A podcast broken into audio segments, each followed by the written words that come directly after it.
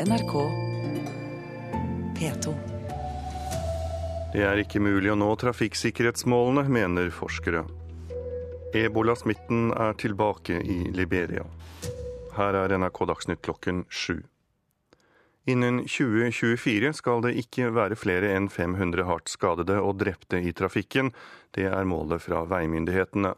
Det målet kommer vi ikke til å nå, skriver Transportøkonomisk institutt i en ny rapport. Det betyr vel at man må eh, ha en forsterket innsats hvis man skal få en større nedgang i antall hardt skadde. Det sier forskningsleder ved TØI, Rune Elvik. I fjor ble totalt 821 hardt skadde og drepne på norske veier. Vi nærmer oss målet, men med dagens veitiltak vil en ikke komme lenger ned enn til kring 600 hardt skadde og drepne, mener forskeren, som har tatt tryggere og bedre biler med i regnestykket. Veinettet fortsetter man jo også å utbedre, men eh, det går jo eh, sakte og gir typisk ikke så veldig store resultater fra år til år, men på lang sikt vil det bidra. Reportere var Ann Irén Finstad og Ola Mjåland. Ebola er tilbake i Liberia. For halvannen måned siden erklærte Verdens helseorganisasjon landet som ebolafritt. Men i helgen døde en 17 år gammel gutt, og i går bekreftet myndighetene at minst to personer er smittet. Flere tilfeller på kort tid fra samme landsby og ganske nær hovedstaden, millionbyen Monrovia. Et tilbakeslag, men ingen grunn til panikk, ifølge landets myndigheter. Vi har kontroll, sa viseministeren, men kritikerne er ikke beroliget. De peker på at myndighetenes system ikke virket siden ingen tok prøver av 17-åringen før han døde, og at man ennå ikke aner hvor smitten kom fra nå en uke etter at gutten ble syk. Og nå må lokale helsearbeidere nok en gang være forberedt på å kle seg i hvit plast. Sverre Tom Radøy, Nairobi. I Marokko har politi pågrepet tre afghanere med falske pakistanske pass på vei til Danmark. Politiet mistenker de tre er tilknyttet ekstreme islamistiske miljøer. Mennene hadde også med seg dokumenter med ekstremistisk innhold. Flere nordafrikanske land har skjerpet beredskapen etter terrorangrepet mot turister på en strand i Tunisia i forrige uke. Det amerikanske kirkesamfunnet Den episkopale kirke lar homofile og lesbiske gifte seg i kirken. Avgjørelsen kom etter at USAs høyesterett forrige uke fastslo at homofile har rett til å gifte seg i alle USAs 50 stater. Kirken er en gren av den anglikanske kirken, som har 80 millioner medlemmer over hele verden. Etter avgjørelsen kom erkebiskopen av Canterbury, den anglikanske kirkens overhode, med en uttalelse der han sier at han er svært bekymret over avgjørelsen. NRK Dagsnytt, Tor Albert Frøsland.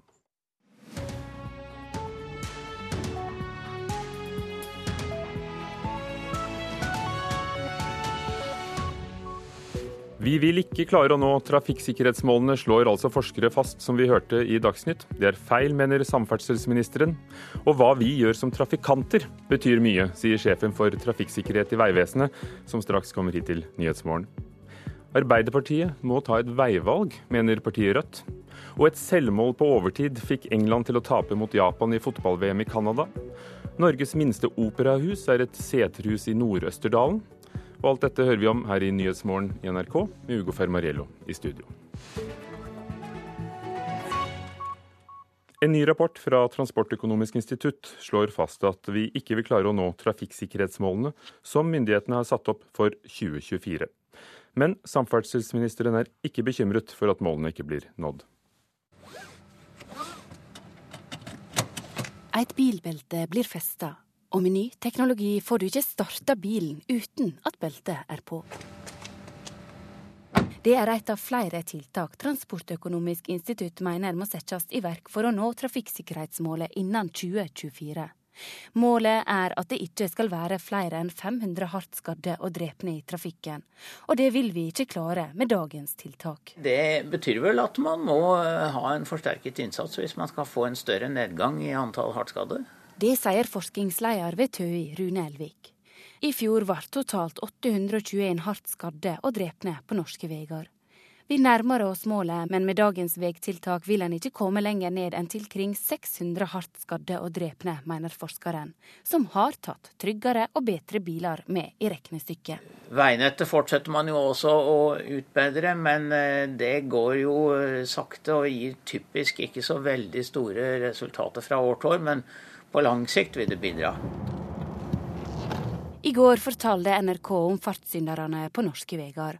Opp mot 90% kjører for fort på utvalgte ulykkesstrekninger. Men trass rapporten mener samferdselsminister Ketil Solvik-Olsen at vi vil klare å nå trafikksikkerhetsmålene våre. Trafikksikkerhet er en av de absolutt viktigste tingene vi holder på med. Men jeg vil ikke være med å svartmale og på en måte gi inntrykk av at ett enkelt virkemiddel fra det til det som gjør forskjellen eller en dårlig måned eller en god måned fra eller til. Dette er et langsiktig arbeid som mange ulike offentlige etater eh, jobber med, og mange private organisasjoner jobber med. Vi skal, vi skal klare å få til det som, eh, som TØI anslår, men som jeg nok tror de har helt rett i ikke ville skjedd hvis en hadde ligget på et nivå der eh, veivedlikeholdet eh, fortsatt har et eh, økende forfall. Flere kontroller er et annet tiltak forskningslederen mener må til for tryggere veier. Hvis man setter et mål, som jo myndighetene har gjort, så eh, går jeg ut fra at de helst vil nå det. Og at de vil være mer fornøyd med resultatene hvis målet blir nådd, enn hvis det ikke blir nådd. og som nevnt, mer kontroller i trafikken vil jo eh, være et effektivt tiltak i tillegg til de andre som man også må fortsette å bruke, naturligvis. Sa forskningsleder ved Transportøkonomisk institutt Rune Elvik. Reportere var Ann Irén Finstad og Ola Mjåland. Guro Ranes, eh, direktør for trafikksikkerhet i Statens vegvesen. Hvordan skal vi nå målet på altså ikke flere enn 500 drepte og hardt skadde i trafikken til sammen? I dag er det 800. Ja, det er et uh, ambisiøst, men fullt oppnåelig mål hvis man tar alle virkemidler i bruk. Så det er jo bredden i det vi gjør som, uh, som vil gi resultater. Det er ikke noe quick fix for å nå det målet. Hva synes du om rapporten fra Transportøkonomisk institutt, som, som hevder at vi kanskje ikke når det med den takten som er i dag?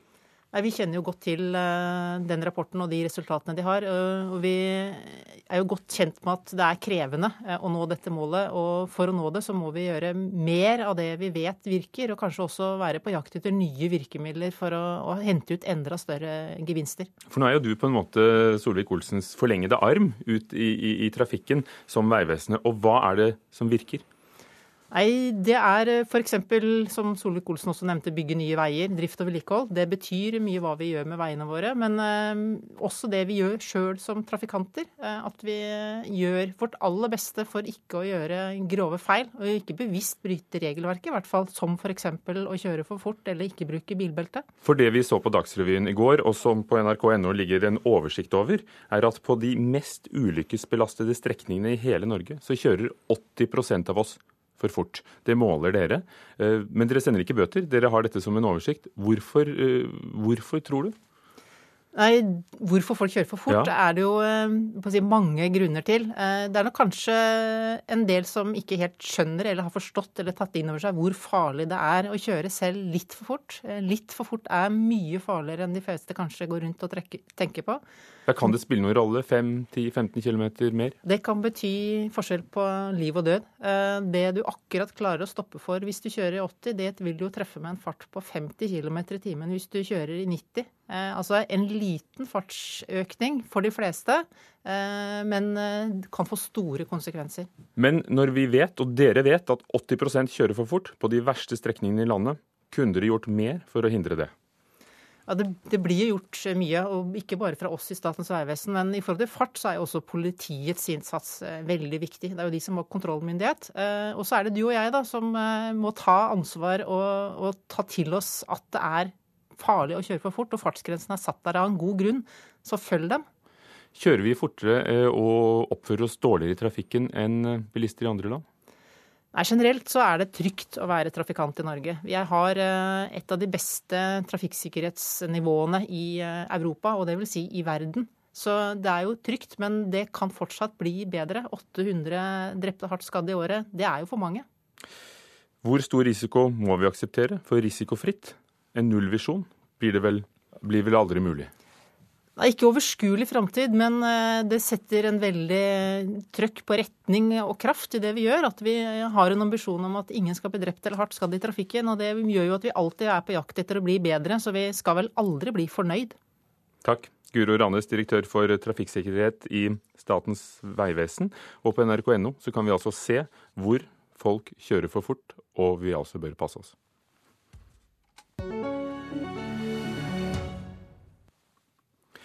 Partiet Rødt ber Arbeiderpartiet om å velge side før kommunevalget i høst. Partileder Bjørnar Moxnes misliker flørten med sentrumspartiene.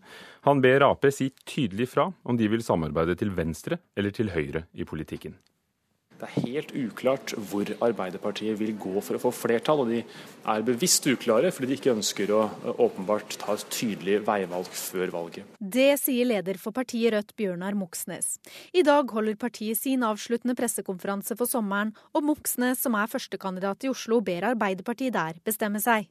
Eh, hvis Arbeiderpartiet danner byråd med sentrumspartiene og De Grønne, da blir det litt som å bytte ut Pepsi med Cola for å bli sunnere. Det blir altså nye partier, men det blir ikke ikke noen ny politikk. Arbeiderpartiet svarer at de går til valg på et skifte i Oslo, og vil samarbeide med alle som vil ta byen i en annen retning enn det Høyre og Fremskrittspartiet har gjort de siste 18 årene. Og selv om landsgjennomsnittet til Rødt har ligget på under 2% ber Moxnes folk regne med partiet fremover. Altså, Rødt er et mellomstort parti i mange kommuner. I Tromsø ble vi større enn SV i forrige valg, er nå på over 10% på målingene. I Oslo var vi på sist måling på 6,5 så og det blir, det blir, tett løp i de store byene eh, mellom eh, de to eh, blokkene. Sa Bjørnar Moxnes til reporter Veronica Westrin, og rundt kvart på åtte så blir det mer om denne saken her i Nyhetsmorgen. Vi skal til Hellas. Troen på at Hellas kommer til å betale tilbake gjelden, faller nå i finansmarkedet. Kredittverdigheten til landet er justert ytterligere ned. Samtidig etterlyser en av landets største långivere mer voksen oppførsel fra grekerne. Would, would, would yeah. Sjefen for Det internasjonale pengefondet, Christine Lagarde, snakket med CNN i natt. Hun skulle gjerne sett at grekerne oppførte seg litt mer modent under forhandlingene, men hun kommer ikke med noen utfall mot den greske statsministeren. Det hun etterlyser, er at den greske posisjonen skal være tydeligere. More clarity, less uncertainty as to what is um, the tydeligere hva den greske befolkningen mener, og hva forhandlingsposisjonen egentlig er. Etter at grekerne kom med sitt forslag til løsning sent tirsdag kveld, er det ikke plassert noe nytt på bordet. En konferanse mellom finansministeren i eurolandene i går endte med en beslutning om at grekerne først må gjennomføre sin folkeavstemning, så får prosessen gå videre. Det som er viktig for Lagarde, er å følge medlemslandenes anbefaling at Hellas blir behandlet likt med andre. They really do, do not see the reason why there would be a special case or a, a special uh, treat, because it has been the case in other places andre land har gått gjennom dette før uten at de har fått noen spesialbehandling, sier Lagarde. Slik må det også være med Hellas. Budskapet fra Lagarde er at Hellas først må gjennomføre reformene, så kan hjelpen komme. But given where we are, uh, my suspicion is that it would be much preferable uh, to see uh, a deliberate move towards reforms i markedet er det nå sviktende tro på at prosessen kommer til å ende godt for landet og institusjonene som har lånt penger til Hellas. Kredittvurderingsbyrået Modis har i natt kommet med en ny vurdering, og den er ikke god. Hellas er nå på CAA3, altså søppel. Det er 18 trinn under vurderingen av norsk kredittverdighet.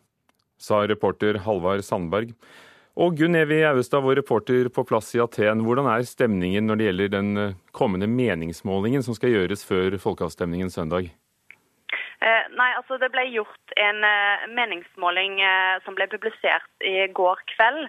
Der svarer rundt 47% av de spurte ja, og 43% nei på spørsmålet om hva standpunkt de kommer til å ta under folkeavstemningen søndag. Eh, det store flertallet av eh, velgerne i regjeringspartiet Syrestad ser ut til å ville følge statsministeren sitt råd om å si nei.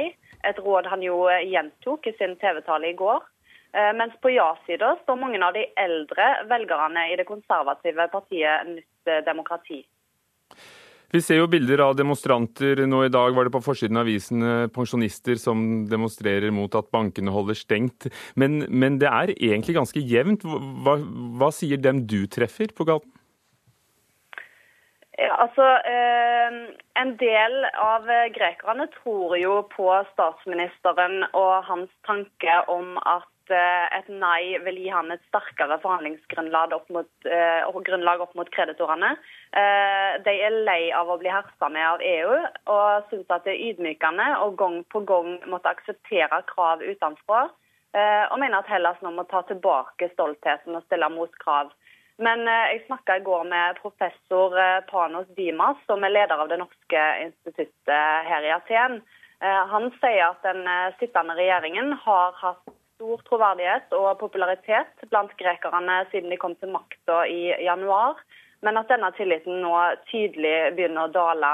Og I EU-landene er jo tilliten til greske styresmakter allerede tynnslitt, eh, noe som eh, selvsagt er et dårlig utgangspunkt for eh, seriøse forhandlinger. Takk, Gunn Evi Auestad, du følger situasjonen i Hellas fra Aten. Klokken er 16 minutter over syv. Du hører på Nyhetsmorgen i NRK, hovedsaken i dag. Vi klarer ikke å nå trafikksikkerhetsmålene som myndighetene har satt for 2024. Det viser en ny rapport fra Transportøkonomisk institutt, men samferdselsministeren er uenig.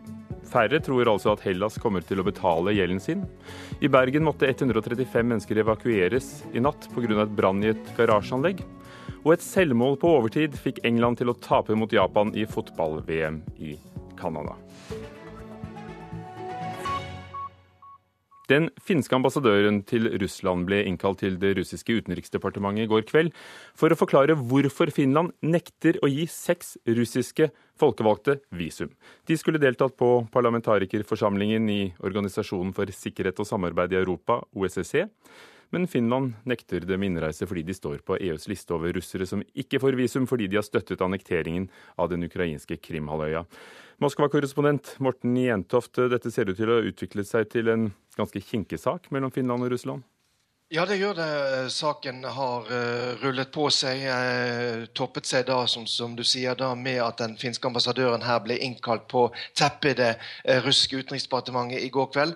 Nå understrekes det fra både finsk og russisk hold at man ikke ønsker på en måte å tilspisse dette ytterligere.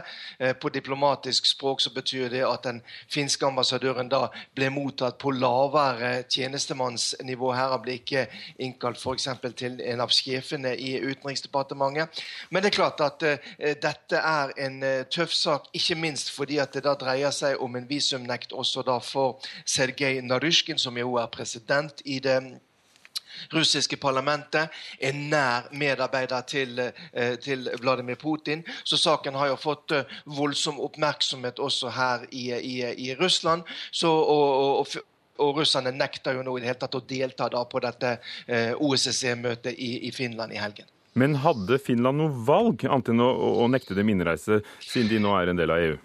Ja, Det, det fins en åpning eh, der man eh, sier at hvis man skal da delta på eh, internasjonale eh, møter, eller i, i, f.eks.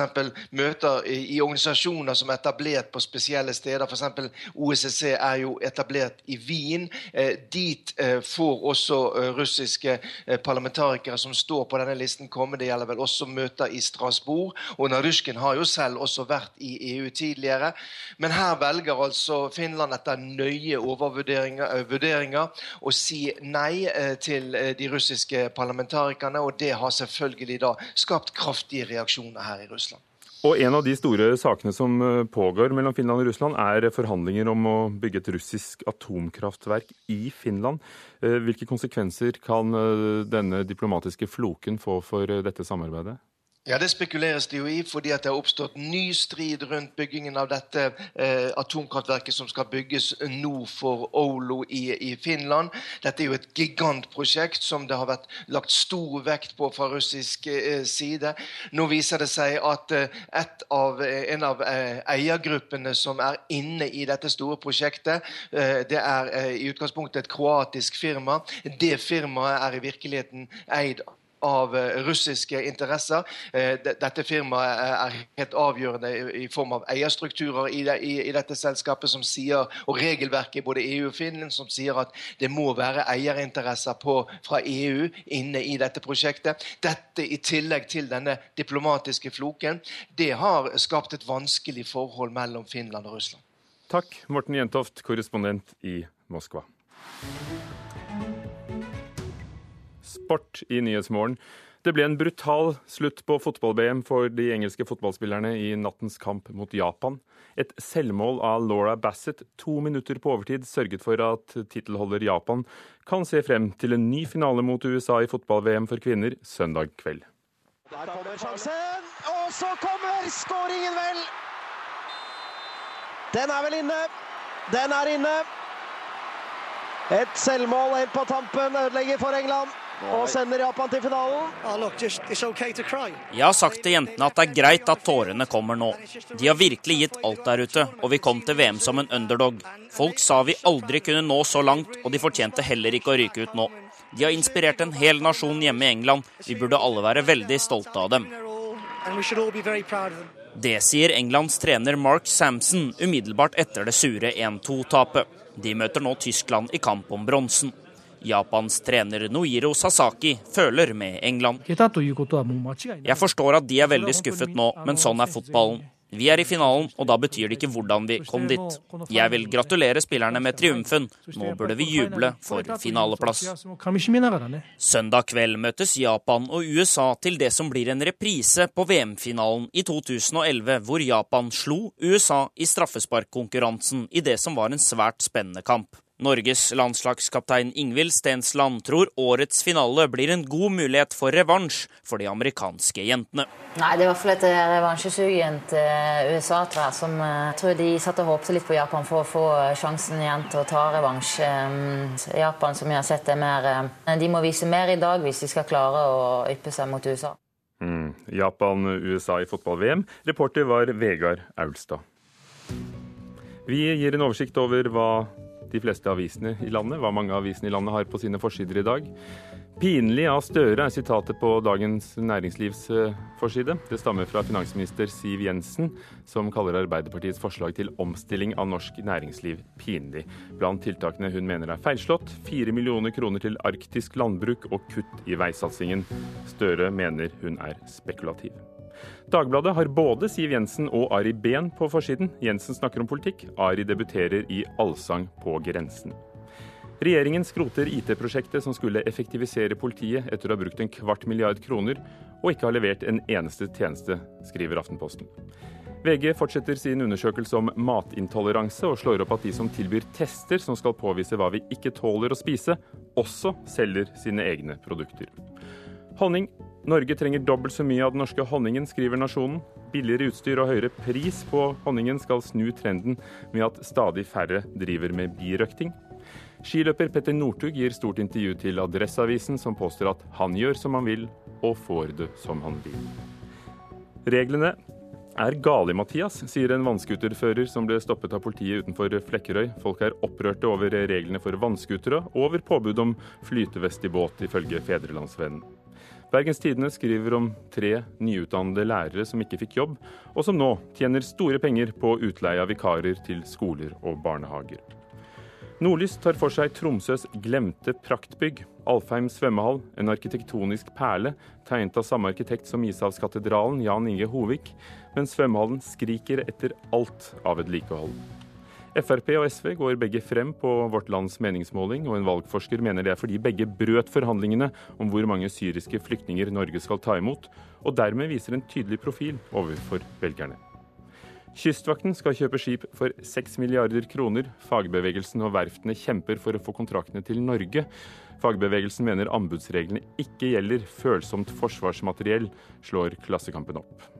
Og Dagsavisen skriver om pensjonistene som protesterer i Atens gater mot stengte banker.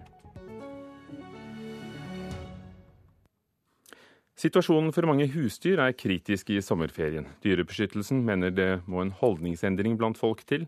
Hver sommer blir katter forlatt av eierne sine, og Åshild Karlsen i Dyrebeskyttelsen Tønsberg Horten fortviler.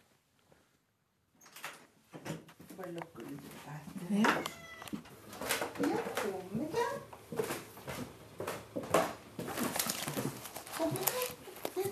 Her har vi en, eh, en, mor og et barn som ble dumpet ved Gjenestadvannet i Stokke i en pappeske. Tilfeldig funnet av noen som var og gikk tur. I en rød perm skrives historiene til kattene som har kommet til Dyrenes hjelpesenter på Skoppum ned. Hadde ikke det blitt eh, oppdaget, så hadde de dødd Eh, pappesken var ordentlig lokket. Den røde permen vokser, særlig om sommeren, forteller styreleder i Dyrebeskyttelsen Tønsberg Horten, Åshild Karlsen. Ferie er ikke alltid like lukrativt for våre firbeinte. Flere eiere forlater kattene eller reiser på ferie i den tro at dyret klarer seg sjøl. Det provoserer styrelederen, som mener det må en holdningsendring til. Jeg tror i bunn så har katten for liten verdi i Norge. Den eh, har ikke hatt verdi, og det har vært en eh, Folk har trodd at katten klarer seg selv. Det er ikke Dyrebeskyttelsen sitt ansvar å overta private katter. Det har aldri vært det. Det er hjemløse vi skal hjelpe.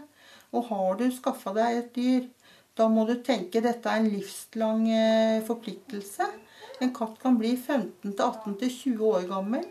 Har du valgt å få deg en katt, ja, så er det et valg for livet. At en katt har lavere status i samfunnet enn f.eks. en hund, er seksjonssjef for dyrevelferd i Mattilsynet Torunn Knævelsrud enig i. Det kan være ganske lett å skaffe seg en katt. Koster kanskje ikke noe, og er jo veldig søte når de er små. Og så tenker man ikke helt over at man skal ha denne katten året rundt og gjennom hele kattens liv og ta vare på den på en god måte. Den siste tiden har flere meldt fra om syke, underernærte katter, men hjelpesenteret er allerede fullt, og nå haster det å få på plass hjem til de syke kattene, slik at de kan få den hjelpen de trenger, sier Karlsen. Og reporter var Anne Melsom Bjerke. Norges minste operahus er et seterfjøs i Nord-Østerdalen, og i morgen har de premiere på årets oppsetning. Opera di Setra er en kuriøs opplevelse, men også et innlegg i kulturdebatten. For å legge, for, å legge til rette for fremvekst av små operascener vil øke publikums interesse, mener både bonde og operasjef Arne Eggen. Altså, De går ikke på opera for å gå på opera, de går hit for å oppleve noe. Det øves på det lille seterhuset i Tyldal. Elskovsdrikken av Donizetti skal framføres med snødekte fjell som kulisse, og både rautende kyr, blodtørstige mygg og fjellkledde folk som publikum. Det er slike scener som knekker operakoden for folket, mener Opera di Setra. Definitivt. Sier odelssønn, operasanger og kunstnerisk drivkraft bak Opera di Setra, Lars Eggen. Må gjøre det litt lokalt og finne på noe litt annerledes enn å nødvendigvis gå i Bjørvika i Oslo. Vi er kjempesøte! Ifølge Statistisk sentralbyrås siste kulturbarometer går 8% av befolkningen i opera eller operette i løpet av et år. Jeg har faktisk aldri vært på en opera. Jeg liker ikke opera som sjanger sjanger. Hører ikke på det. Barometeret viser òg at den klassiske operagjengeren er godt voksen, velutdanna og fra Oslo-området. Det er jo litt sånn kutyme, da. Da må jo kanskje vi heller prøve å satse på dem som kanskje kommer og ikke syns det er noe artig når de kommer, men syns det er trivelig når de går. Opera må fremføres der det er folk. Sier journalist og anmelder Maren Ørstavik. Hun støtter påstanden om at det er totalopplevelsen og ikke bare kunsten i seg sjøl som kan bidra til å øke interessen for opera hos flere. Det å bruke lokale scener og lokale ressurser eh, på å treffe folk i lokalmiljøet sitt, er en fin måte å gjøre det på. Um, jeg tror nok det er mange som kommer hit fordi at det er litt spesielt. Og Det virker som folk er veldig ute etter det å oppleve opera i andre omstendigheter enn å gå i inn i et stort operahus. Det, det, du får liksom de faste operagjengerne, men så får du også de som syns det er litt morsomt å gå og se, for det er under andre omstendigheter. Det sier regissør Ronald Rørvik. Det er han som holder orden på Nemorino, Adina og de andre under øvinga på Opera di Setra. Og de som sa de ikke likte opera, er på glid. Men jeg gleder meg likevel til jeg skal på, på Opera di Setra. Det hadde sikkert vært spennende å prøve noe nytt. Fra Elskovsdrikken, som har premiere i morgen kveld i Nord-Østerdalen, reporter Torunn Myhre. I Nyhetsmorgen skal vi høre om flyktningtragedien i Sahara, som får lite oppmerksomhet fordi det er få til å fortelle om den. Det skjer etter Dagsnytt her i NRK P2 og Alltid nyheter.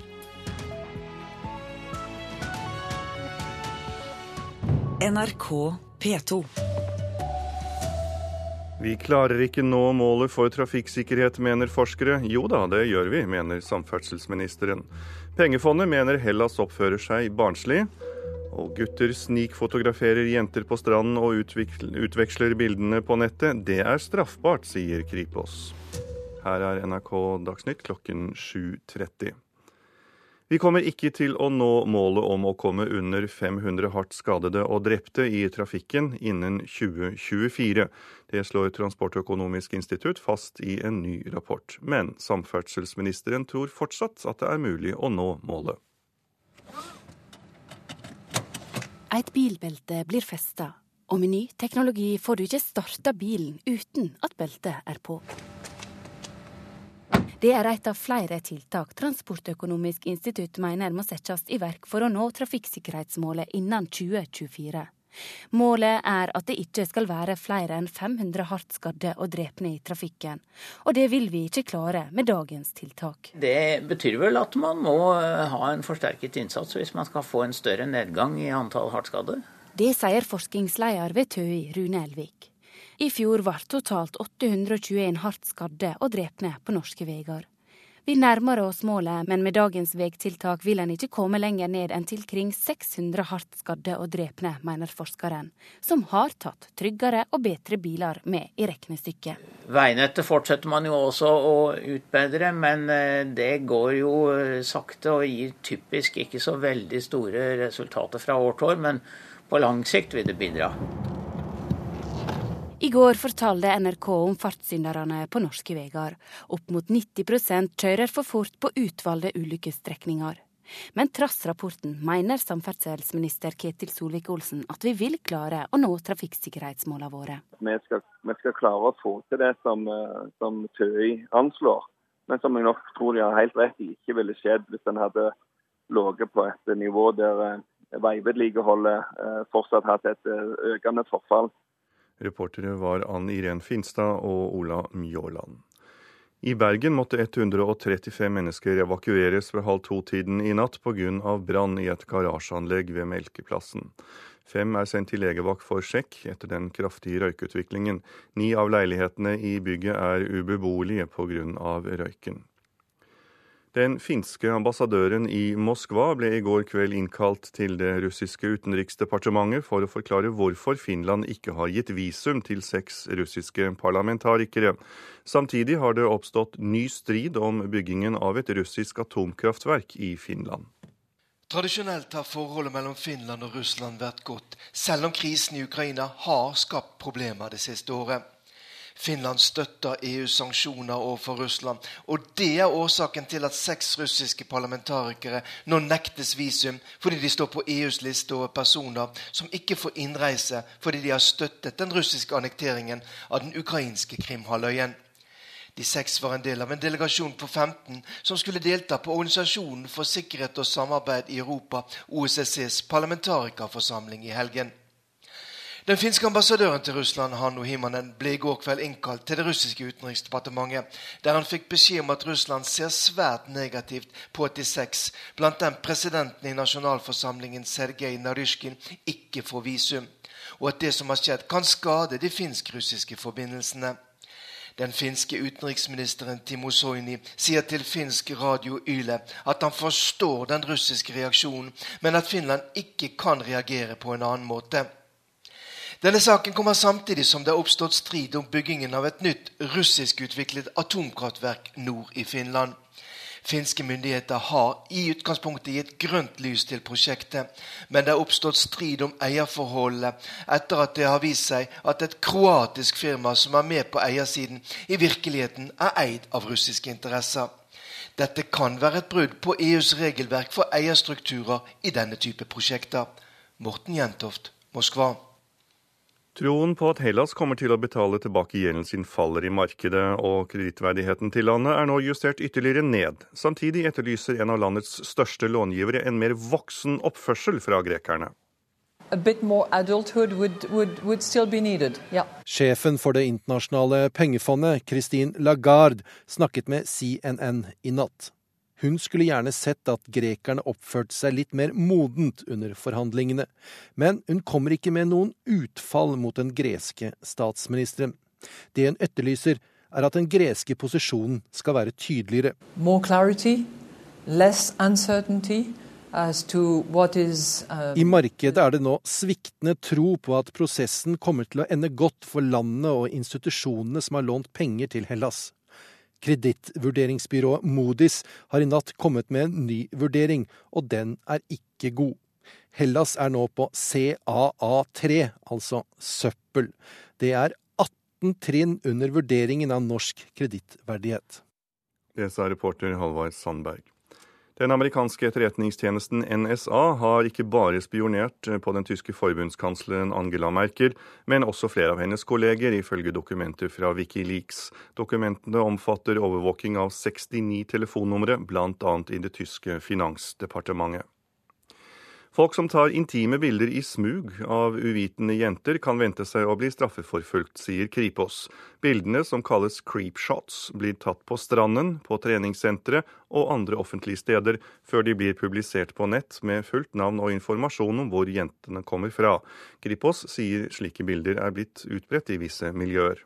Vi registrerer at det er eh, mange aktører inne på de forskjellige arenaene, og at, eh, at det er et, eh, en viss utbredelse på det. Det er helt åpenbart. Det sier seksjonsleder Thomas Sterk i Kripos, som varsler kamp mot spredninga av bilder tatt i smug. Såkalte creepshots er et fenomen som Hans Marius Tessem i slettmeg.no får stadige henvendelser om. Omfanget av det har vært ganske stort egentlig noen år nå, og det her kommer jo selvfølgelig da med at telef altså, alle telefoner nå har kamera. Snikfotografiene kan stamme fra folk som har lagt seg nært unge jenter på stranda for å knipse bilder. Det er nærmest blitt en sport å kunne oppdrive intime bilder av navngitte jenter det forteller Guro Skåltveit i Datatilsynet. Det blir liksom en oppfordring og en uh, greie. Er det noen her som har bilder av uh, Maria 18 fra Tønsberg? De kan absolutt ikke føle seg trygge på at det ikke kommer til å bli forfulgt fra vår side. Nei, det er jo veldig ekkelt. da. Man skal jo føle seg komfortabel når man ligger på stranda og ikke måtte tenke på sånne ting. Man føler at man må passe litt på, egentlig. Det sa jenter som reporter Torkel Thorsvik traff på stranden i Oslo. Avgangselevene i 10. klasse har aldri gått ut med dårligere snittkarakter i matematikk enn i vår. Det viser tall fra Utdanningsdirektoratet. Karaktersnittet er på 2,9 ved eksamen i matematikk i 10. klasse, og det er første gang snittet ligger på totallet, skriver VG. Også på videregående får mange elever karakteren 1 eller 2. Det ble en brutal slutt på VM for de engelske kvinnene i nattens kamp mot Japan. Et selvmål av Laura Bassett to minutter på overtid sørget for at tittelholder Japan kan se frem mot en ny finale mot USA i fotball-VM for kvinner søndag kveld. Der kommer sjansen, og så kommer skåringen, vel! Den er vel inne. Et selvmål helt på tampen ødelegger for England og sender Japan til finalen. Jeg har sagt til jentene at det er greit at tårene kommer nå. Det sier Englands trener Mark Samson umiddelbart etter det sure 1-2-tapet. De møter nå Tyskland i kamp om bronsen. Japans trener Noiro Sasaki føler med England. Jeg forstår at de er veldig skuffet nå, men sånn er fotballen. Søndag kveld møtes Japan og USA til det som blir en reprise på VM-finalen i 2011, hvor Japan slo USA i straffesparkkonkurransen i det som var en svært spennende kamp. Det sa reporter Vegard Aulstad. I Kragerø finnes en meget spesiell samling av fiskekroker. Felles for alle krokene i den enorme samlingen er at de er hentet ut av en menneskekropp. De er veldig flaue. Det er fryktelig flaut å få festa en fiskekrok som de ikke får ut igjen. Leder på legevakta i Kragerø, Kaja Gripsgård, forteller om et klassisk sommerproblem. Nemlig det å sette fiskekroken fast i seg selv eller i andre. I Kragerø skjer dette trolig oftere enn andre steder. På legevakta i sommerbyen har de nemlig en egen tavle der de henger opp kroker som legene har plukket ut av folk. Én tavle er allerede full med over 100 kroker hengende.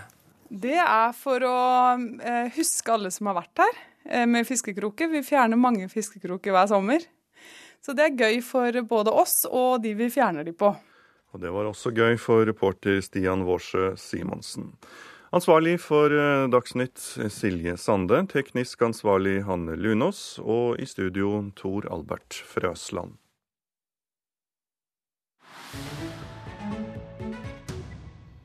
Her i Nyhetsmorgen fortsetter vi utenriks. 18 vestafrikanske flyktninger ble nylig funnet døde i Sahara. Under en sandstorm har de trolig mistet retningen, og de ble ikke funnet før etter åtte dager. Da var det for sent. Dette er en dødsfelle vi sjelden hører om, av den enkle grunn at det er få vitner i den enorme ørkenen. Hektisk aktivitet i ørkenbyen Agadez i Niger, verdens fattigste land. En gang et viktig handelssenter. I dag en gjennomfartsby for illegale migranter. De fleste har allerede flykta tusenvis av kilometer for å komme hit. Og det står igjen minst like mange. Her møtes de håpefulle som er på vei, og de som skuffa er kommet att. Desillusjonerte etter å ha mislykkes. Jeg så etter arbeid i Libya, men uten hell, og jeg hadde det veldig vondt der. Derfor bestemte meg for å reise hjem til Senegal, sier en ung mann. Det stopper ikke Kordogo Adama fra Burkina Faso. Veien er full av risiko. Det er ingen asfalt, det her er Sahara. Vi har en firehjulstrekker, men den skal romme mer enn 30 mennesker. Det er farlig. Om du ikke er plassert godt nok, kan du falle av, og da risikerer du å dø. Menneskesmuglerne har ikke tid til å vente. Sammen med resten av de som skal av gårde, pakker han med store vasskanner for å klare seg gjennom havet uten vann. I Sahara kan et menneske dø av tørst i løpet av en dag. Et problem med bilen kan få fatale konsekvenser. Det er trolig store mørketall når det gjelder tallet på mennesker som ikke overlever turen. 100 000 migranter er forventa å passere gjennom Niger på vei til Libya i år, ifølge International Organization of Migration. Av de som er så heldige å nå Italia, kommer over halvparten via Niger. Men hvem er disse som risikerer livet på denne måten? Noen av dem er flyktninger, noen er migranter. Svært mange av dem vil jeg si er i en gråsone fordi mange flykter pga. f.eks. Eh, tørke, naturkatastrofer. Men denne ressurs, ressursmangelen er jo også det som skaper konfliktene. Eh, og hvis de hadde reist et halvt år senere, under konflikten, så hadde de blitt definert som flyktninger. Forteller Rikard Skretteberg i Flyktninghjelpen. Han legger til at mange som i utgangspunktet var afrikanske arbeidsmigranter i Libya, har pga. kaos og valden i landet blitt til flyktninger med behov for dekning. Det som skjedde da Gaddafi ble styrta, ble et vendepunkt for regionen, og gjorde at tallet på flyktninger økte. Både fordi kaoset har destabilisert landene rundt, og at det ble lettere å komme seg til Middelhavet pga. sviktende styresett og manglende kontroll i Libya. Nå forsøker Niger å sette inn tiltak, med hjelp fra EU. Sist måned kom den nigerske regjeringa med en lov som fører til opptil 30 års fengselsstraff for menneskesmuglere. Korrupte politimenn vil også bli sett på som medskyldige. Likevel konkluderer en rapport med at hver eneste politimann i regionen burde vært bytta ut om en skal få bukt med korrupsjonen. Å få inn litt ekstra er freistende for politimennene, som har en lønn på i underkant av 200 dollar i måneden.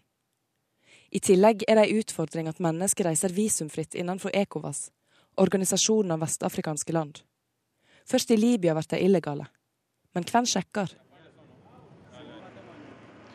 Enn så lenge blir stadig nye biler lasta i Agades, og det er stor kniving om å komme med. 16 år gamle Foseni Ismail fra Benin lar ikke skrekkhistoriene stoppe han. Overfarten er veldig vanskelig. Jeg vet at jeg er på vei inn i et farlig eventyr. Det er litt skremmende, men jeg skal takle det. Fordi en må være modig her i livet. Reporter Gunhild Årdal om flyktningkrisen i Sahara. Klokken er snart kvart på åtte. Du hører på Nyhetsmorgen i NRK. Dette er hovedsaker i nyhetene i dag. Ny rapport viser at Norge ikke vil nå målene for trafikksikkerhet, ifølge Transportøkonomisk institutt. Samferdselsministeren er uenig. Færre tror at Hellas kommer til å betale gjelden sin. Ebolakrisen er ikke over. Nye tilfeller er påvist i Liberia. Gutter tar snikbilder av jenter og legger dem ut på internett. Creepshots, som det kalles, er straffbart, sier Kripos. Og Japan går videre i fotball-VM etter at England gjorde selvmål på overtid i gårsdagens kamp. Det skal handle om politikk videre her i Nyhetsmorgen. Partiet Rødt ber Arbeiderpartiet om å velge side, som vi har hørt også tidligere i nyhetene i dag. Bjørnar Moxnes, partilederen, misliker flørten med sentrumspartiene. Han ber Ap si tydelig fra om de vil samarbeide med Høyre eller Venstre. Det er helt uklart hvor Arbeiderpartiet vil gå for å få flertall, og de er bevisst uklare fordi de ikke ønsker å åpenbart ta et tydelig veivalg før valget. Det sier leder for partiet Rødt, Bjørnar Moxnes. I dag holder partiet sin avsluttende pressekonferanse for sommeren, og Moxnes, som er førstekandidat i Oslo, ber Arbeiderpartiet der bestemme seg.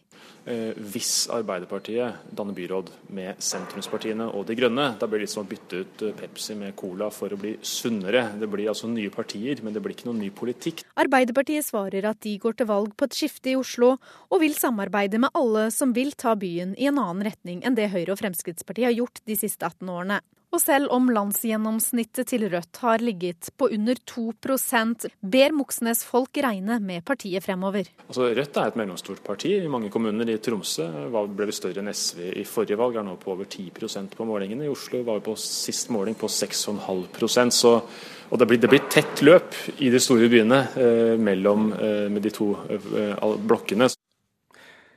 Det var Bjørnar Moxnes til reporter Veronica Westrin. Berit Aalborg, politisk redaktør i Vårt Land. Hva synes du om Rødts utspill? Jeg synes det er veldig forståelig at Rødt prøver å få Arbeiderpartiet til å ta stilling om vil, eh, hvilken side de vil jobbe. Eh, sammen med. Ehm, men jeg tror ikke det vil styre Arbeiderpartiet sitt eh, valg i noen kommuner, verken i Oslo eller andre steder.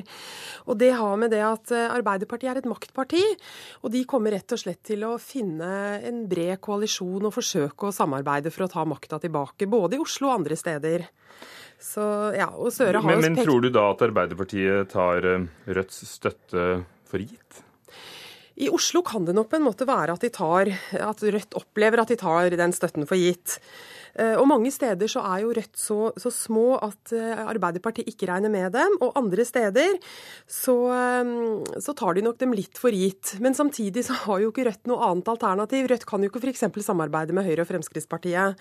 Sånn at Arbeiderpartiet er jo på en måte litt Det er ikke så rart at de gjør det, da, på sett og vis. Vil Arbeiderpartiet tjene noe på å, å, si tydelig fra hvilke partier de ønsker å samarbeide med i de ulike kommunene før valget, sånn at folk vet hva utfallet vil bli? Nei, jeg tror eh, verken i Oslo eller andre steder har eh, Arbeiderpartiet spesielt mye å hente på å flagge det. Fordi de, eh, altså, de, de, ønsker å på en måte ha et handlingsrom som de kan bruke etter valget. Og særlig, altså enda mer i kommune- og fylkespolitikken, så er det viktig å ha det handlingsrommet. For det går rett og slett mye på liksom, konkrete forhandlinger, enda mer enn det gjør i stortingsvalget. Så jeg tror ikke de kommer til å gjøre det. Jeg tror heller ikke Arbeiderpartiet tjener på det. Men Betyr det at vi kan se helt forskjellige konstellasjoner fra kommune til kommune, by til by? Ja, og det ser vi allerede nå. og det ser vi, vi ser det i denne valgperioden, og vi kommer til å se det fremover.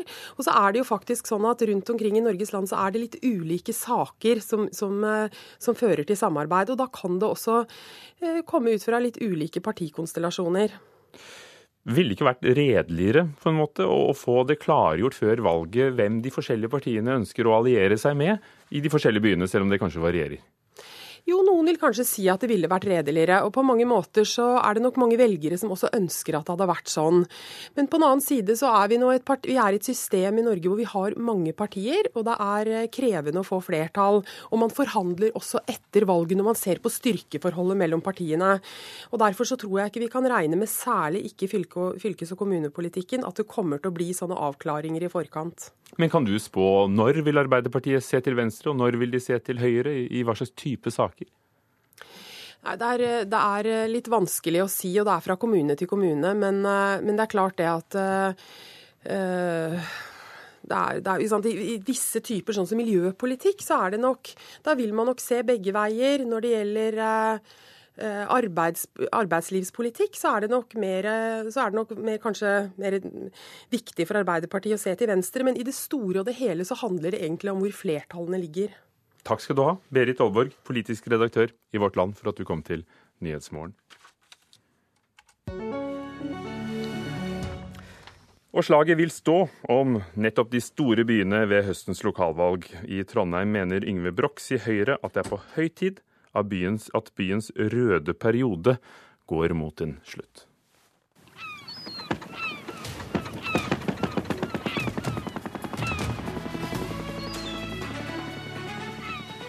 Politisk sommerintervju i Nyhetsmorgen. Jeg heter Yngve Brox, jeg er 45 år gammel, og jeg er Høyres ordførerkandidat i Trondheim. Jeg mener Trondheim trenger et skifte for å få rydda opp i krisa i eldreomsorgen i byen, og for å gjøre det mulig å skape Norges beste skole i kunnskapshovedstaden i Norge. Arbeiderpartiet og Rita Ottervik har vært ordfører her siden 2003 eh, og står sterkt. Er det altså skole og eldreomsorg som er greia der? Kan du være mer konkret på hva du vil da? Ja, nå har jo Adresseavisa og NRK gjennom et par års tid meldt om stadig flere ganske grove saker i eldreomsorgen, som vi mener viser at det er et systemproblem i Trondheim, og det er et ledelsesansvar.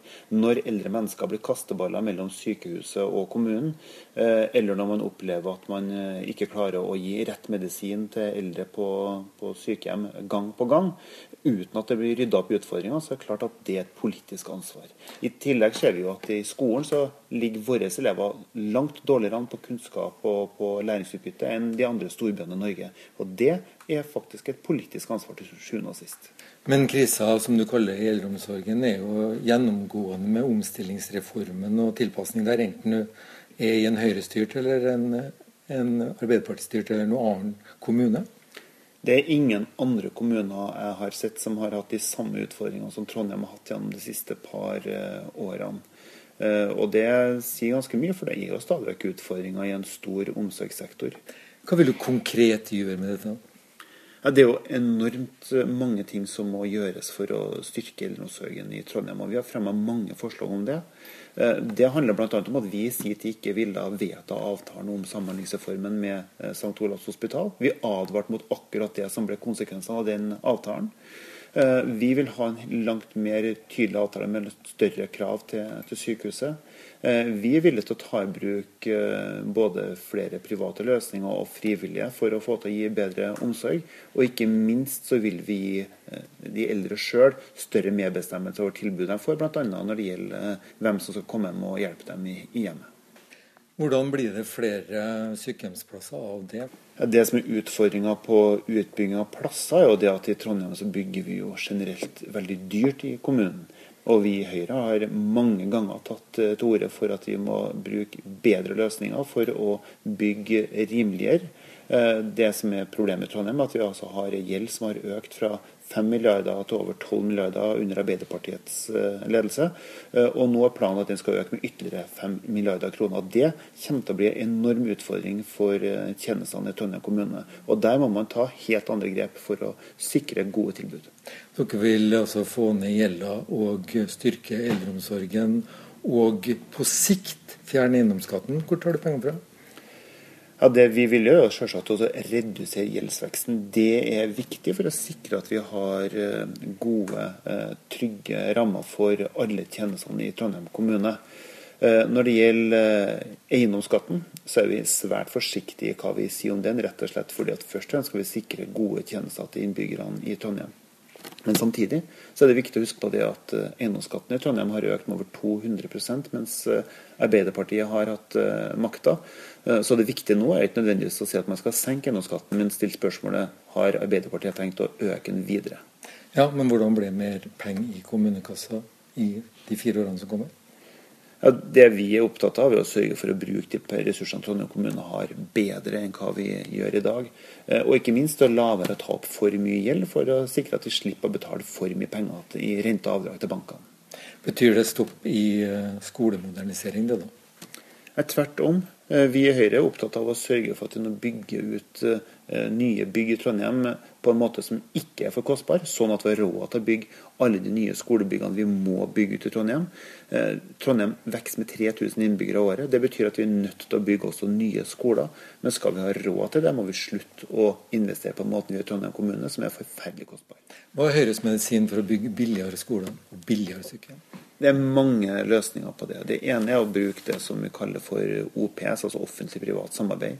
Eh, I noen tilfeller går det an å se for seg at man kan leie bygg istedenfor å eie dem sjøl. I andre tilfeller så kan man gå inn på det som kalles for samspillkontrakter. Eh, og ikke minst så bør kommunen gå gjennom alle sine investeringsprosjekter for å se om kan man finne rimeligere løsninger her. Det ble gjort et, i ett tilfelle i fjor.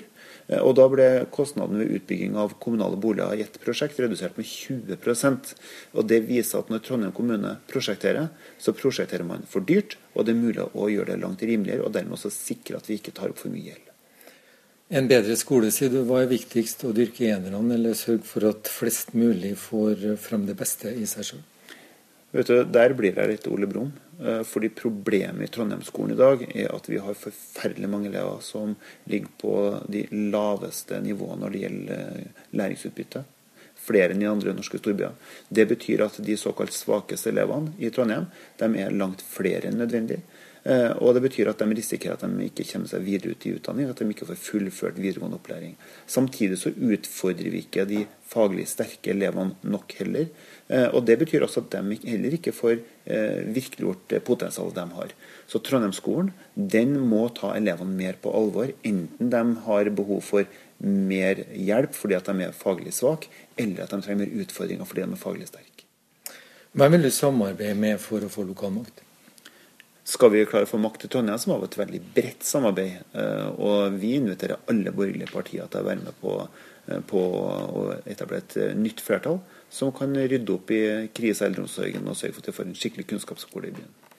Hvilke kommuner bør bli en del av Trondheim, Brox? Ja, Det er en stor diskusjon. Vi i Trondheim Høyre ønsker å invitere bredt til nabokommunene, at de skal være med sammen med oss i framtida. Men så er det også opp til de lokale kommunene eh, hvilken prosess de har. Hvordan skal du unngå at Trondheim blir en støvsuger i forhold til de kommunene som blir med, da? og at du tapper det? Nå har heldigvis regjeringa lagt opp til en veldig god prosess, hvor det er sånn at eh, kommunene sjøl er ansvarlig for å kjøre runder med å finne ut av vil man slå seg sammen, og hvem vil man i så fall slå seg sammen med. Og så er det viktig at vi i Trondheim er åpne og inviterende, og sier at vi ønsker andre kommuner med oss. Hva er ditt politiske forbilde, Bruks? Det er mange. Eh, Marvin Wiseth Han var en fantastisk ordfører i, i Trondheim. Eh, og eh, av alle, Jon Lyng. Eh, Høyremannen som på 60-tallet klarte å skape en borgerlig flertall i en tid hvor, man, hvor, mange trodde at det var gudgitt at Arbeiderpartiet skulle, skulle, styre, skulle styre, Norge. Eh, og av alle også Ronald Reagan og Helmut Kohl. To store internasjonale størrelser som, som på hver sin måte sørga for å bringe, bringe Europa ut av kald krig det, dem har jeg enorm respekt for. Sa Yngve Brox eh, fra Høyre i Trondheim til reporter Lars Erik Skjærseth i dagens Politiske sommerintervju. Her i Nyhetsmorgen fortsetter vi med værvarselet frem til midnatt. Fjellet i Sør-Norge, sørøstlig liten kuling vest i Langfjella, for det meste pent vær. Pent vær også på Østlandet og i Telemark. Agder, sørøstlig liten kuling på kysten fra Lindesnes og vestover, for det meste pent vær. Vestlandet sør for Stad får sørøst liten og til dels stiv kuling utsatte steder. Stort sett pent vær, sent i kveld utrygt for regnbyger med torden i ytre strøk. Møre og Romsdal sørvest liten kuling sør i fylket, stort sett eh, pent vær. I kveld utrygt for enkelte regnbyger på Sunnmøre, kanskje med torden. Trøndelag stort sett pent. Nordland får perioder med regn, kan hende med torden. Fra i ettermiddag lokalt mye nedbør i Salten og Ofoten, og noe sol i sør. Troms fra utpå formiddagen regn i sør, til dels mye nedbør lengst sør, men i Nord-Troms blir det stort sett oppholdsvær og tidvis sol. Finnmark får opphold og til dels pent vær, utrygt for ettermiddagsbyger på vidda og i Pasvik.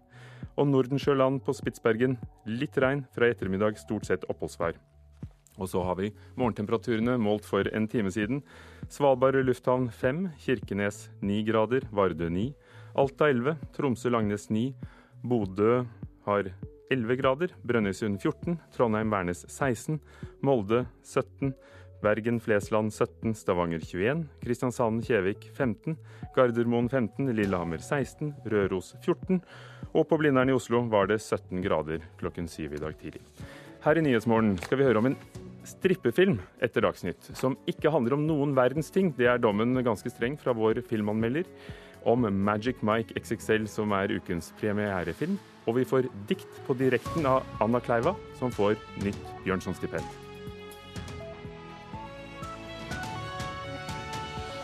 NRK P2. Vegvesenet mener vi kan nå målet om trafikksikkerhet, selv om forskere mener det motsatte. Brannvesenet roser 14-åringer i Bergen for å slå brannalarm i natt. Her er NRK Dagsnytt klokken åtte. Innen 2024 skal det ikke være flere enn 500 hardt skadede og drepte i trafikken. Det er målet fra veimyndighetene. Det målet kommer vi ikke til å nå, skriver Transportøkonomisk institutt i en ny rapport. Men direktør for trafikksikkerhet i Vegvesenet, Guro Ranes, mener derimot det er mulig å nå målet, og oppfordrer hver enkelt til å ta ansvar i trafikken. Det betyr mye hva vi gjør med veiene våre, men eh, også det vi gjør sjøl som trafikanter. Eh, at vi gjør vårt aller beste for ikke å gjøre grove feil, og ikke bevisst bryte regelverket, i hvert fall som f.eks. å kjøre for fort eller ikke bruke bilbelte. Eh, det er nok kanskje en del som ikke helt skjønner eller har forstått eller tatt inn over seg hvor farlig det er å kjøre selv litt for fort. Litt for fort er mye farligere enn de fleste kanskje går rundt og tenker på. Troen på at Hellas vil klare å betale tilbake lånet, synker stadig. Kredittvurderingsbyrået Moody's senker nå kredittverdigheten til Hellas ytterligere et nivå, og det betyr at landet er to steg unna bunnivå på skalaen. På søndag skal grekerne si sin mening om hvorvidt landet skal akseptere kreditorenes krav. Det ble gjort en eh, meningsmåling eh, som ble publisert i går kveld. Eh, der svarer rundt 47% av de spurte ja og 43% nei på spørsmålet om hva standpunkt de kommer til å ta under folkeavstemningen søndag. Eh, det store flertallet av eh, velgerne i regjeringspartiet Syrestad ser ut til å ville følge statsministerens råd om å si nei, et råd han jo eh, gjentok i sin TV-tale i går. Mens på ja-sida står mange av de eldre velgerne i det konservative partiet Nytt demokrati. Det sa vår reporter i Aten, Gunn Evy Auestad. 135 personer ble evakuert ved halv to-tiden i natt pga. en brann i et garasjeanlegg ved Melkeplassen i Bergen. Sigbjørn Villanger, vaktkommandør på 110 Hordaland, roser 14-åringene som slo alarm. Jeg føler det er viktig å skryte av de jentene som ringte inn med en gang og gav veldig klare eh, opplysninger om hva som foregikk. Også av de beboerne som begynte å, å evakuere de andre beboerne. gikk rundt og banket på døra. Så det, de skal ha honnør for innsatsen. Det å komme seg ut og vekk fra røyken er, er viktig. Så innsatsen som de har gjort, den er uvurderlig. Og i København raser en brann i det gamle Musikkuniversitetet, men brannvesenet har kontroll. Flere beboere er evakuert, og folk i sentrale deler av byen blir bedt om å stenge av ventilasjonsanlegg og lukke alle vinduer, fordi røyken fra brannen er giftig og farlig. Det var NRK Dagsnytt i studio, Tor Albert Frøsland. Det er vel og bra med nye veier, men det holder ikke for å nå trafikksikkerhetsmålene, sier Trygg Trafikk. Det blir første sak her videre i Nyhetsmorgen. Gutter tar bilder i smug av jenter på stranda og utveksler dem på internett. Dette er straffbart, sier Kripos om de såkalte creepshots. Vi ser frem mot årets sommerfilmer på kino. En av ukens premierefilmer lover slett ikke godt. Og ebolakrisen er ikke over. Nye tilfeller er påvist i Liberia. Som vi har hørt på nyhetene i dag og slått opp på nrk.no. Vi kommer ikke til å nå trafikksikkerhetsmålene som myndighetene har satt til 2024. Det er det Transportøkonomisk institutt som fastslår i en ny rapport. Men samferdselsminister Ketil Solvik-Olsen er ikke bekymret eh, for at målene ikke vil bli nådd. Et bilbelte blir festa, og med ny teknologi får du ikke starta bilen uten at beltet er på. Det er et av flere tiltak Transportøkonomisk institutt mener må settes i verk for å nå trafikksikkerhetsmålet innen 2024. Målet er at det ikke skal være flere enn 500 hardt skadde og drepne i trafikken. Og det vil vi ikke klare med dagens tiltak. Det betyr vel at man må eh, ha en forsterket innsats hvis man skal få en større nedgang i antall hardt skadde? Det sier forskningsleder ved TØI, Rune Elvik. I fjor ble totalt 821 hardt skadde og drepne på norske veier. Vi nærmer oss målet, men med dagens veitiltak vil en ikke komme lenger ned enn til kring 600 hardt skadde og drepne, mener forskeren, som har tatt tryggere og bedre biler med i regnestykket. Veinettet fortsetter man jo også å utbedre, men eh, det går jo eh, sakte og gir typisk ikke så veldig store resultater fra år til år, men på lang sikt vil det bidra. I går fortalte NRK om fartssynderne på norske veier. Opp mot 90% kjører for fort på utvalgte ulykkesstrekninger. Men trass rapporten mener samferdselsminister Ketil Solvik-Olsen at vi vil klare å nå trafikksikkerhetsmålene våre. Vi skal, vi skal, klare å få til det som, eh, som TØI anslår, men som jeg nok tror de har helt rett i ikke ville skjedd hvis en hadde ligget på et nivå der eh, veivedlikeholdet eh, fortsatt hatt et økende forfall. Og reportere her var Anne Irén Finstad, som vi hørte i reportasjen, og Ola Mjåland. Ann Katrin Aarøen i Trygg Trafikk, hva mener du Solvik-Olsen må gjøre hvis målene skal nås? For det er uenighet om dette vil kunne lykkes? Det er det helt klart. Solvik-Olsen og regjeringa har jo gjort en stor og god innsats med å få bedre veier, og veier med høyere standard. Dette her er imidlertid ikke nok. Det er nå en gang sånn at det er ikke summen av ett virkemiddel som skal til for å få ned tallene på ulykkene. Det er summen av alt vi gjør på trafikksikkerhet. Betyr det at uh, dere er enig med Transportøkonomisk institutt? I dagens takt, med dagens virkemidler, vil ikke målene for 2024 være nådd? Helt klart. Vi er nødt til å gjøre mer enn hva vi gjør i dag, og tenke enda bredere enn hva vi gjør i dag for å nå disse tallene her. Hvis vi følger den eh, takta vi gjør i dag, så vil vi ende opp med litt over 600 skadde og drepte i 2024. Og målet er altså maks 500 skadde og drepte i trafikken innen 2024. I dag er det rundt 800 skadde og drepte i året. Nå er ikke Solvik-Olsen her, vi prøvde å få ham til debatt, men han befinner seg i, i USA. Eh, men hva hjelper best? Hva er rådene du, du vil gi? For det første så handler det om å få ned farten på veiene. Vi vet at fart tar livet av folk og skader folk. Det betyr flere politikontroller. UP gjør en veldig god jobb i dag, men de har ikke nok ressurser. Og det samme gjelder også de eh, lokale politidistriktene. For det andre så handler det om rus. Færre som må kjøre med promille. Det blir i dag kjørt 130 000 turer i rus hver eneste dag. I tillegg så er det masse folk på veiene som ikke burde kjøre fordi at de bruker veldig mye medisin f.eks., eller pga. andre helsemessige årsaker ikke er gode nok sjåfører. Men dette handler vel om folk selv, for når det viser seg, som vi kan se på nrk.no og på Dagsrevyen i går kveld, at over 80% kjører for fort på de ti verste strekningene i landet. Da er det vel folk selv som, som ikke er seg sitt ansvar bevisst. For det er for lett å, å trykke på pedalen. Det er derfor vi trenger flere politikontroller. Vi trenger at folk føler at de eh, kan bli stoppa i en politikontroll. Men totalsummen handler jo om at en skal kjøre fornuftig. Eller trenger vi bedre veier, slik at de vil tåle å kjøre såpass fort? For der hvor det er 110-grense, er det jo ikke så mange ulykker. Vi trenger helt klart bedre veier også. Men før vi har midtdelere på plass på alle veiene, så kan ikke vi øke farten uten at vi risikerer mer ulykker. Jo høyere fart, jo flere risiko for ulykker. Det er også teknologi som er viktig aspekt i dette. her. Bilene blir stadig sikrere.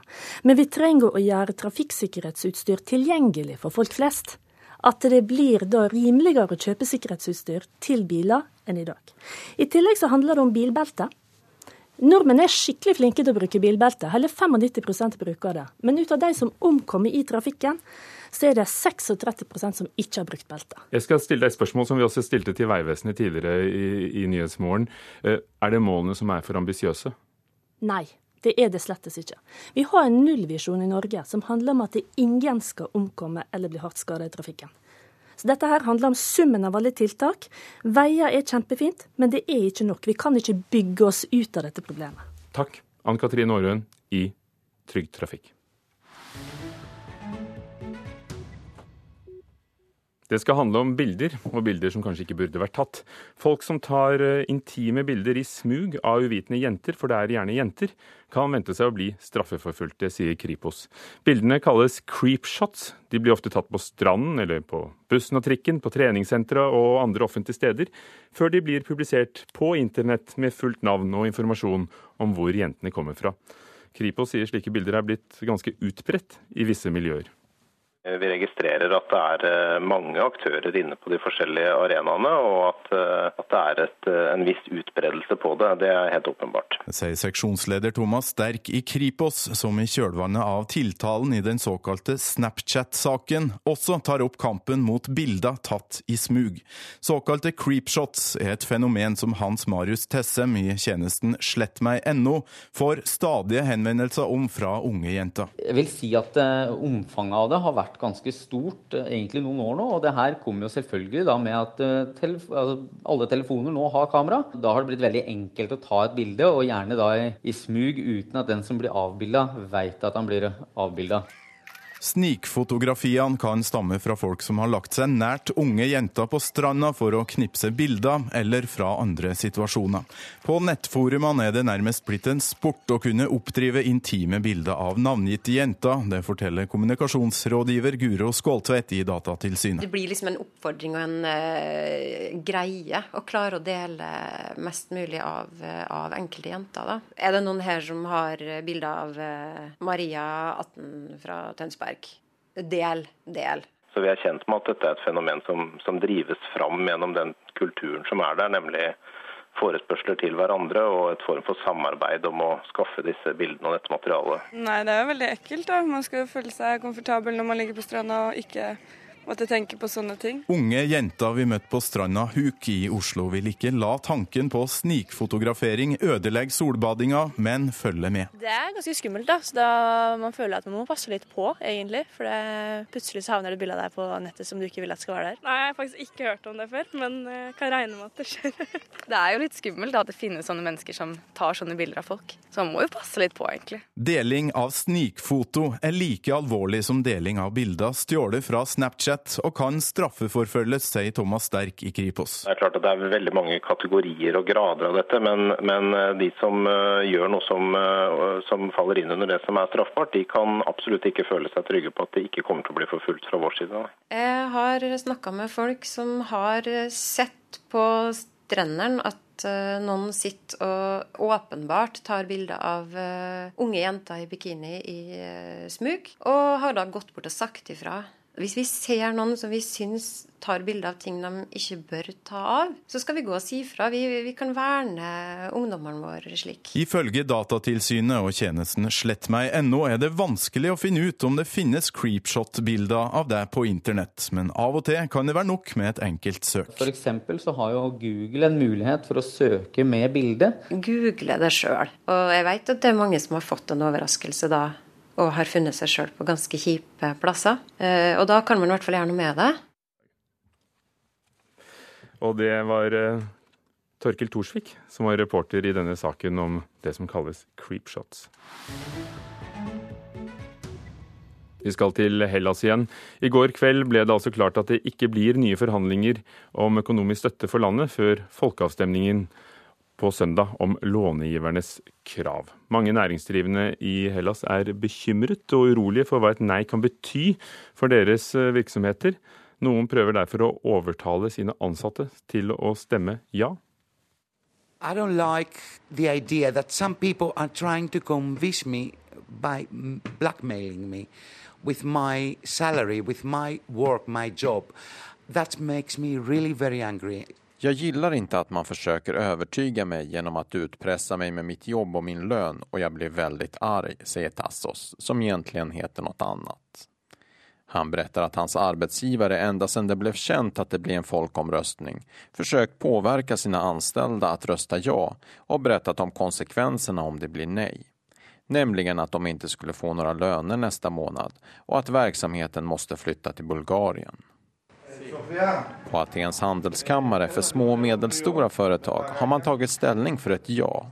Men Pavlos Ravanis som är ordförande tycker inte att det är arbetsgivarnas sak att påverka anställda utan att varje grek måste rösta för det alternativ som de tror blir bäst för deras barns framtid.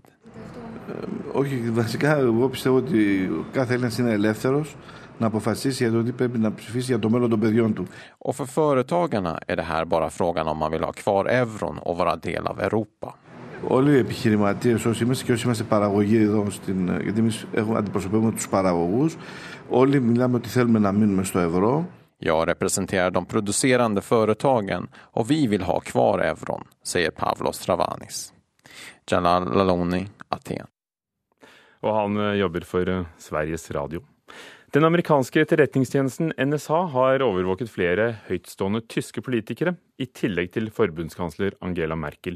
Så dermed fortsetter altså skandalen om overvåkning mellom USA og Tyskland. Og dette er det dokumenter fra Wikileaks som viser. Amerikanske NSA har ikke bare overvåket telefonen til forbundskansler Angela Merkel, men også hennes stedfortreder Sigmar Gabriel, miljøvernminister Barbara Hendricks og tidligere finansminister Oscar Lafontaine. Det viser dokumenter fra varslernettstedet Wikileaks, som sier at 69 ulike telefonnumre i det tyske statsapparatet har vært overvåket.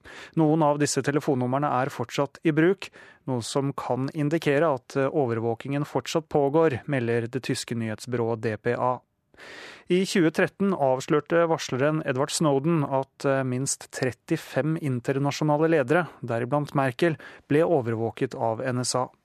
Det hvite hus på sin side understreket i en uttalelse i går det nære forholdet til Tyskland, og fastholdt også sine tidligere opplysninger om at forbundskansleren ikke blir overvåket sa reporter Hans Christian Eide. Klokken er 16 minutter over åtte. Du hører på Nyhetsmorgen i NRK. I dag hører vi mye om trafikksikkerhet. Forskere mener regjeringen ikke vil nå målene om maks 500 skadde og drepte i trafikken innen 2024. Og de får støtte fra Trygg Trafikk, som vi hørte akkurat nå. Samferdselsminister Ketil Solvik-Olsen er uenig i denne konklusjonen. Gutter tar snikbilder av jenter og legger dem ut på internett. Det kalles creepshots, men er straffbart, sier Kripos. Og ebolakrisen er ikke over. Det skal vi høre mer om senere i Nyhetsmorgen.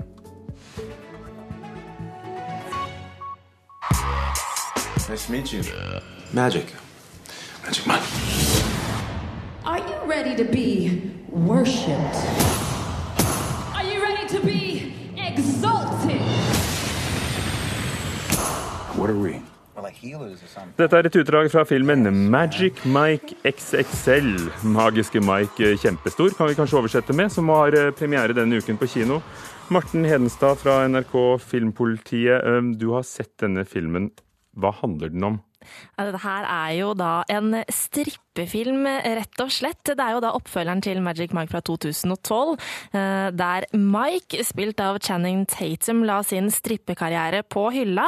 Men nå er han og gutta i gjengen tilbake for å ta én siste gig, altså ett siste strippeshow, før de virkelig gir seg med strippekarrieren for godt. Men når du spør hva den handler om, så er det litt interessant, fordi at filmen handler ikke om så veldig mye. Det her er en sånn typisk road movie, der gjengen i strippecrewet til Mike skal reise til denne, en strippekonvensjon. og så møter de et par utfordringer underveis. Men utover det så handler den ikke om veldig mye, dessverre. Men det kan kanskje likevel ha blitt en god film? Altså, Det fins jo gode road movies, altså gode filmer om en vennegjeng på veien, men Magic Mike XXL er ikke en av disse, syns jeg. Det er litt interessant å se at det er veldig splitta meninger om filmen. Filmen får karakterer i begge ender av skalaen. Jeg legger meg på den lavere sida, syns ikke at dette er en god film. Det er veldig grunne rollefigurer her. Manuset er til tider platt og plumpt, og rett og slett ganske så dårlig. Dere gir jo terningkast på nettsidene til Filmpolitiet og i programmet på P3. Hva, hva ble det?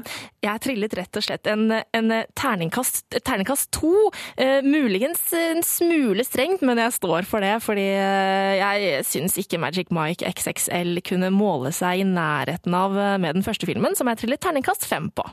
Tror du likevel det blir en, skal vi kalle det blockbuster? At folk går mann av huset?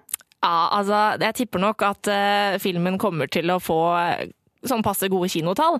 Det er jo ikke noen tvil om at det er sikkert en del som har lyst til å se Channing Tatum og co.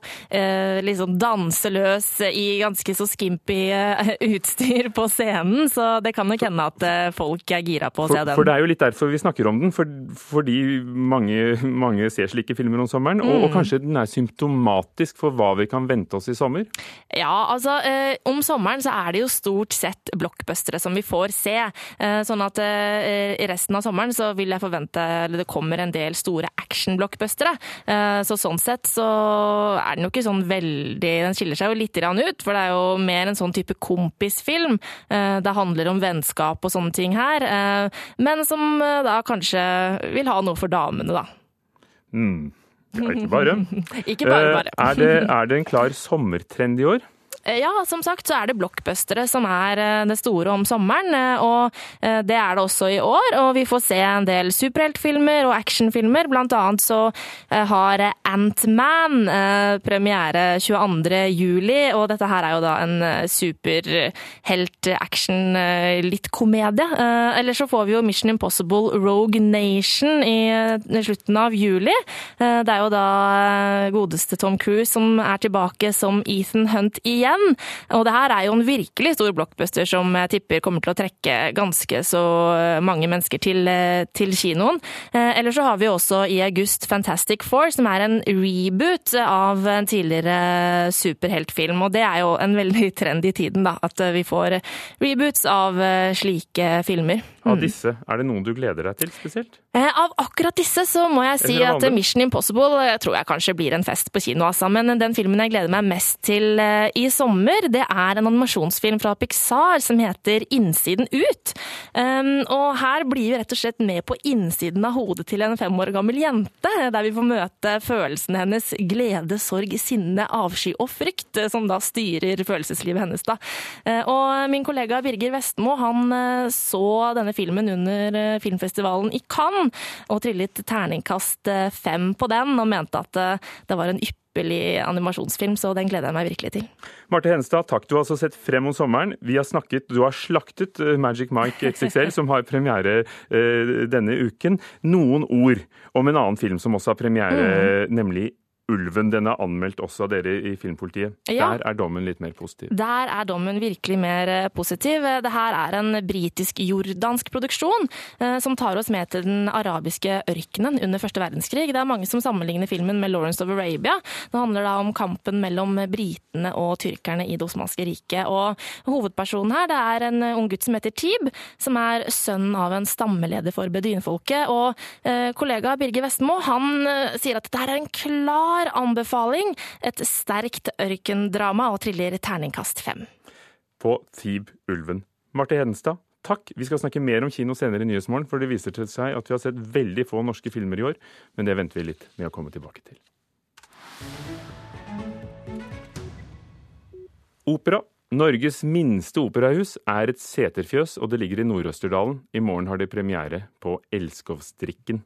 Opera di Setra er en underlig opplevelse, for, forteller vår reporter, men det er også noe som er et innlegg i kulturdebatten. For det å få til å lage små operascener, det vil øke publikumsinteressen, mener operasjefen Arne Eggen, som også er bonde. Altså, De går ikke på opera for å gå på opera, de går hit for å oppleve noe. Det øves på det lille seterhuset i Tyldal. Elskovsdrikken av Donizetti skal framføres med snødekte fjell som kulisse, og både rautende kyr, blodtørstige mygg og fjellkledde folk som publikum. Det er slike scener som knekker operakoden for folket, mener Opera di Setra. Definitivt. Sier odelssønn, operasanger og kunstnerisk drivkraft bak Opera di Setra, Lars Eggen. Må gjøre det litt lokalt og finne på noe litt annerledes enn å nødvendigvis gå i Bjørvika i Oslo. Ifølge Statistisk sentralbyrås siste kulturbarometer går 8% av befolkningen i opera eller operette i løpet av et år. Jeg har faktisk aldri vært på en opera. Jeg liker ikke opera som sjanger. Jeg hører ikke på det. Barometeret viser òg at den klassiske operagjengeren er godt voksen, velutdanna og fra Oslo-området. Det er jo litt sånn kutyme, da. Da må jo kanskje vi heller prøve å satse på dem som kanskje kommer og ikke syns det er noe artig når de kommer, men syns det er trivelig når de går. Opera må fremføres der det er folk. Sier journalist og anmelder Maren Ørstavik. Hun støtter påstanden om at det er totalopplevelsen og ikke bare kunsten i seg sjøl som kan bidra til å øke interessen for opera hos flere. Det å bruke lokale scener og lokale ressurser eh, på å treffe folk i lokalmiljøet sitt, er en fin måte å gjøre det på. Det er mange som kommer hit fordi at det er litt spesielt. Og det virker som folk er veldig ute etter det å oppleve opera i andre omstendigheter enn å gå i inn i et stort operahus. Det, det, det, du får liksom de faste operagjengerne, men så får du også de som syns det er litt morsomt å gå og se, for det er under andre omstendigheter. Det sier regissør Ronald Rørvik.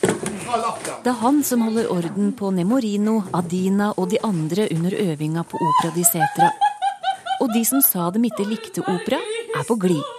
Men jeg gleder meg likevel til jeg skal på, på Opera di Setra. Det hadde sikkert spennende å prøve noe nytt. Det syns jeg passer perfekt på fjellet.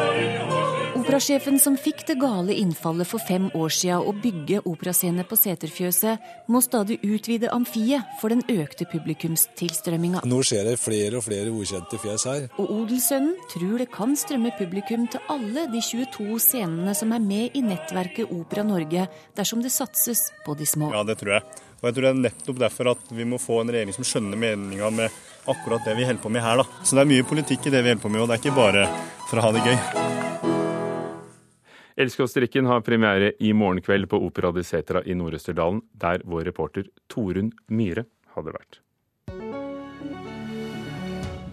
Dikteren Anna Kleiva får årets Bjørnson-stipend på 25 000 kroner. Det deles ut når Bjørnsonfestivalen går av stabelen i Molde litt senere i sommer. Anna Kleiva, velkommen. Gratulerer. Tusen takk. Du har gitt ut eh, to diktsamlinger, den siste i fjor og en i 2011. Hva kjennetegner dine dikt? Um, de er fortellende. Ganske fortellende. Ikke så veldig abstrakte. Uh, og ganske sanselige. Jeg tror jeg um, uh, opplever mye liksom ja, gjennom tenk å tenke, men òg gjennom kroppen, på en måte. Så det er en slags sånn Ja, det er mye sånn kroppslighet i diktene, tenker jeg. Bjørnsonstipendet er noe f.eks. Karl Ove Knausgård har fått uh, tidligere. Mm. Hva betyr det for deg å få et sånt stipend? Uh, det er vanskelig å si, men det er jo bare utrolig stas. Jeg blir jo veldig glad for at folk uh, setter pris på det han har gjort. Så um, nei, det er bare mye glede. Hvorfor skriver du? Oi Fordi jeg har noe å si, tror jeg. og fordi jeg kan det, og syns at jeg får det til. Programsjefen for Samtidspoesifestivalen på Hamar eh, sa tidligere i år at det gis ut altfor mye diktbøker i Norge. Eh, Ole Karlsen heter han og er, professor. Og så trakk han frem deg som en av de mest lovende dikterne i Norge. Eh, hva synes du? Er det, er det, for mange dikt som kommer ut? ja, kanskje. Det er kanskje mange, det er generelt mange bøker som blir gitt ut. Det er jo ikke alt som er mm, godt. Men øh, hvordan skal den utvelgelsen eventuelt skje? Hmm. Nei, det er jo liksom forlagene som sitter og vurderer det der. De har jo, altså det er jo helt sinnssykt mye mer manus som blir sendt inn, enn det som faktisk blir gitt ut. Så de eh, velger jo allerede ut. Men eh, jeg vet ikke. Kanskje det Nei, jeg har ikke noe svar på det, egentlig. Det, det er vanskelig. Men hvordan opplever du selv eh, at du når folk? Hvilke reaksjoner får du? Når, når treffer du? Mm, det er vel mest på opplesninger at en merker det. Eh, for da er liksom folk har vært og hørt på, og er litt sånn modus og kan eh, komme og prate og sånn. Så da er det Det syns jeg er veldig fint. da. Jeg er glad i å lese opp for folk. Da møter en jo lesere. Du har studert litteraturvitenskap, gått på forfatterstudiet i Bø, Skrivekunstakademi i Hordaland. Har du alltid visst at du ville skrive? Eh, på en måte, ja. ja. Jeg, drev, jeg har drevet med det fra jeg var kjempelita. Eh, hadde en liten pause når jeg var sånn sent i tenårene der jeg glemte det litt. Og så er det kommet tilbake. Men ja. Hva er det diktformen gir? For å ta f.eks. kontrasten til romaner som Karl Ove Knausgård, som vi nevnte. Mm.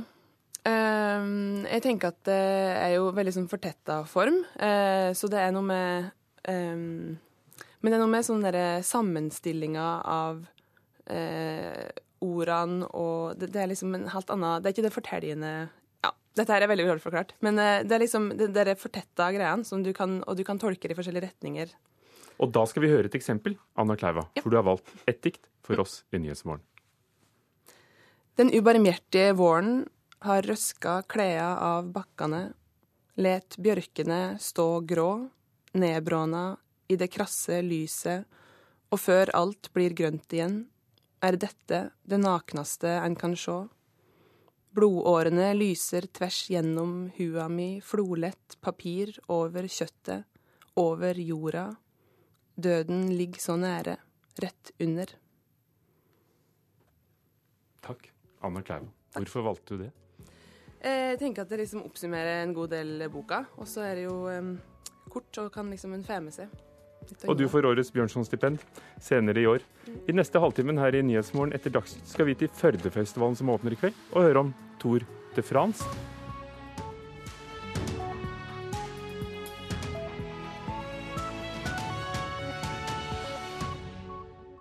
Hør flere podkaster på nrk.no podkast.